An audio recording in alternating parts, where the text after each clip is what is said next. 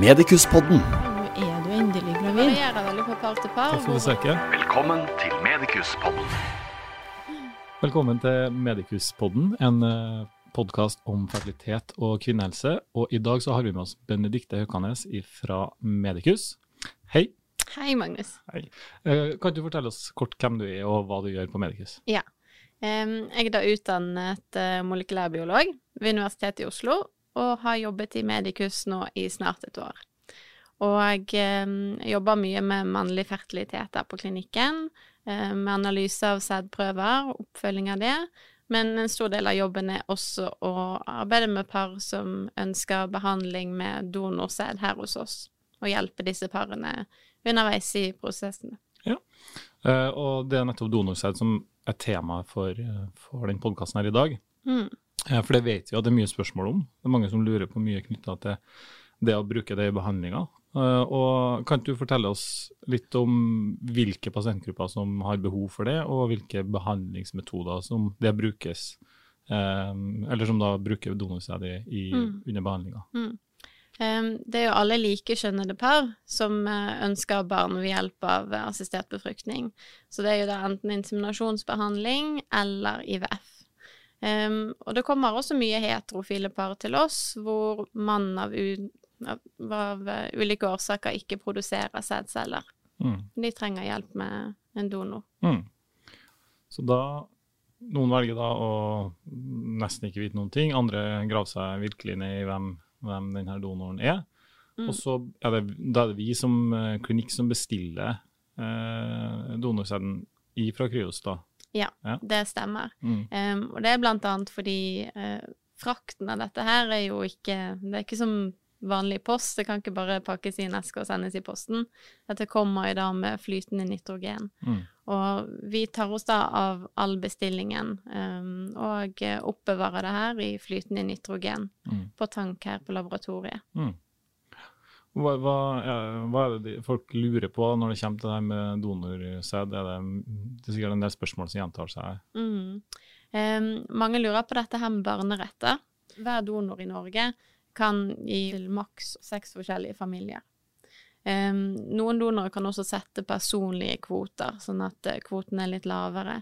Så mange har jo da ønske om søsken med samme donor i fremtiden, og lurer da på om dette er mulig med de ulike donorene. Det også mange lurer på, er eh, disse absolutte kravene som stilles når man søker på etter donor på Kryo sine sider. Mm. Um, og da er det jo dette her med barnerett. Eh, donoren må selvfølgelig ha minst én tilgjengelig barnerett i Norge. Mm. I tillegg så um, må man velge en donor som oppfyller norsk standard. Mm. Eller sæden vi kjøper, må oppfylle norsk standard. Um, for det er ganske strenge krav til um, Altså, norske regelverket er veldig strengt akkurat der, og det er jo vel og bra. Og det mange blir overrasket over, er eksempel at donoren som donerer sæd til Norge, får ikke lov til å tjene penger på det. Mm. det donoren skal kun få kompensasjon for eventuelle utlegg i forbindelse med donasjonen. Ja, riktig. Så det er annerledes mellom de donorene som ikke er godkjent for bruk i Norge, og de som ikke er det? Ja, det kan det være. Ja, riktig. Mm.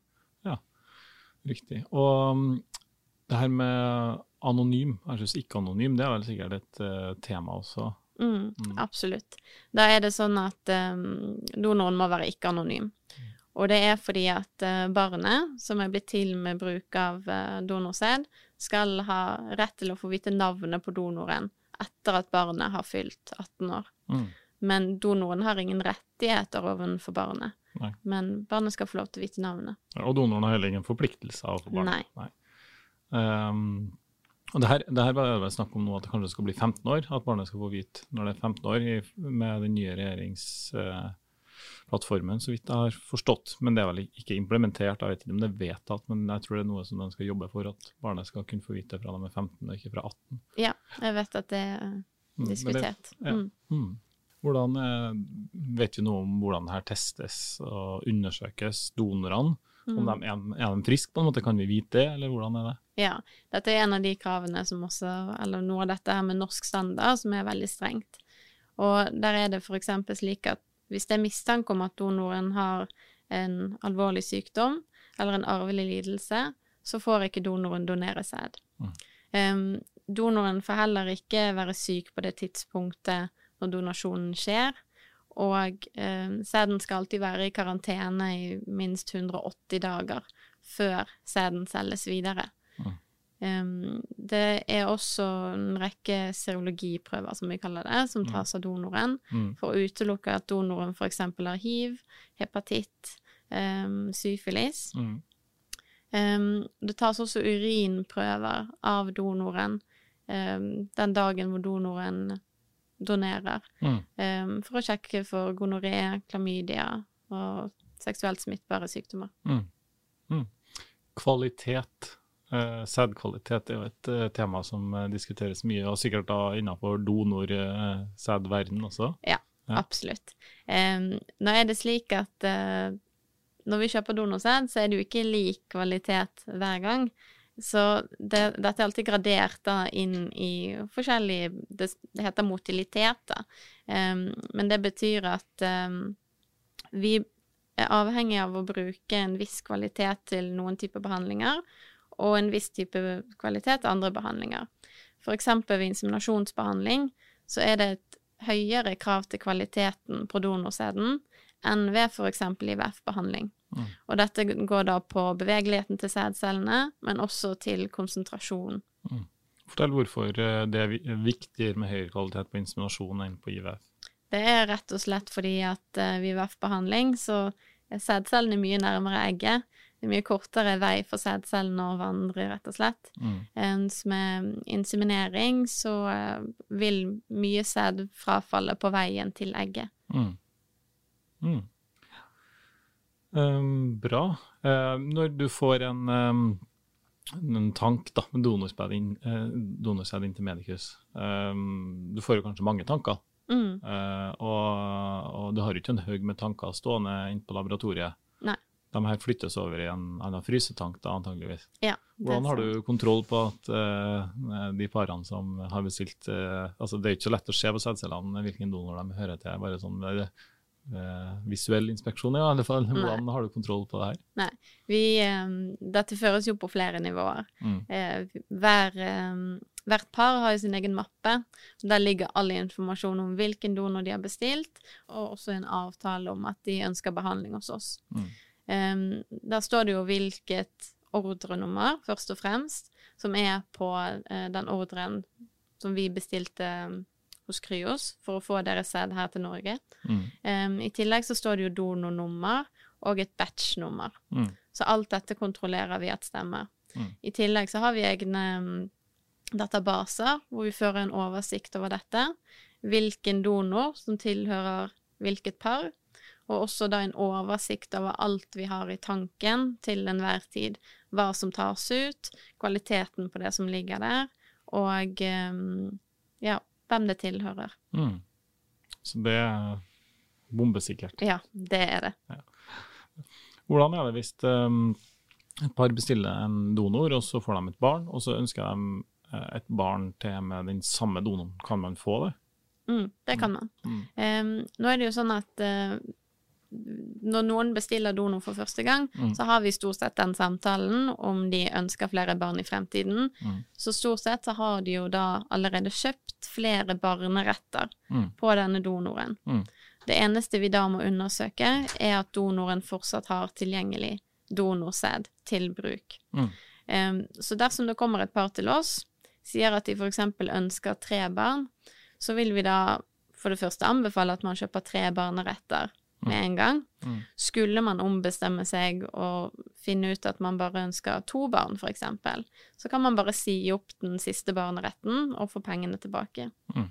Em, da gir vi også en anbefaling i forhold til hvor mye sæd de bør kjøpe inn eller reservere til senere bruk. Mm. For selv om man kjøper flere barneretter på donoren, så garanterer ikke det at donoren har tilgjengelig sæd til senere bruk. Så det er to helt separate ting. Ok, så du kan kjøpe to barneretter, men donoren har, eh, er på, på en måte på siste doser som allerede er levert, og kanskje donoren velger å ikke levere Ja. mer. Det er noe man risikerer. Er det noe som, eh, som parene spør om, som, eh, som vi ikke har snakka om nå, som du vet at de er opptatt av, og som, som det kan være nyttig å, å belyse her? Um, jeg tror vi har gått gjennom det meste. Mm. Uh, det går veldig mye på dette her med at de er usikre på hvor mye de skal reservere til senere bruk. Mm. Og det er en individuell bedømmelse vi gjør ut ifra hvert par, Mm. og uh, hvor mange barn de ønsker, og da donorens beholdning. Mm. Eh, vi kan også kontakte Kryos eh, for å høre om donoren har sluttet å donere, Mm. for det hender at de, de faktisk vet, og da er jo det en beskjed vi kan gi videre til paret. Mm. Men alt det her er, sånn, det her er informasjon som vi egentlig fungerer, og, og du her i Oslo fungerer som en rådgiver for parene på de tingene her. Ja. Så å, våre par trenger ikke å liksom, sette seg inn i alt det her på forhånd i detalj. Det prater dere om, og så Ja, det stemmer. det. Ja. Det er ganske mye informasjon, så jeg Mm. forstår at folk blir litt, uh, litt forvirret. Men Mm. dette her er noe vi, uh, vi går gjennom parene med. Vi sender skriftlig informasjon, og vi bistår alltid på telefon og følger parene opp tett i denne prosessen. For det er, det er mange som syns det er vanskelig å velge. Mm. Mm. Og det fungerer. Donorsenden fungerer. Det har Ja. skjedd. Det gjør det, Mm. absolutt. Mm. Det er også god kvalitet på det vi mottar. Mm. Bra. Nei, men da er vi ferdig med denne episoden om donorsæd. Håper at, eh, at eh, det har vært med å kaste lys over noen av de her eh, spørsmålene som våre par har knytta til det. Tusen takk for besøket. Takk for at jeg fikk komme. Medikuspodden. Nå er du endelig Det gravid. varierer veldig fra par til par. Takk for besøket. Velkommen til Medikuspodden.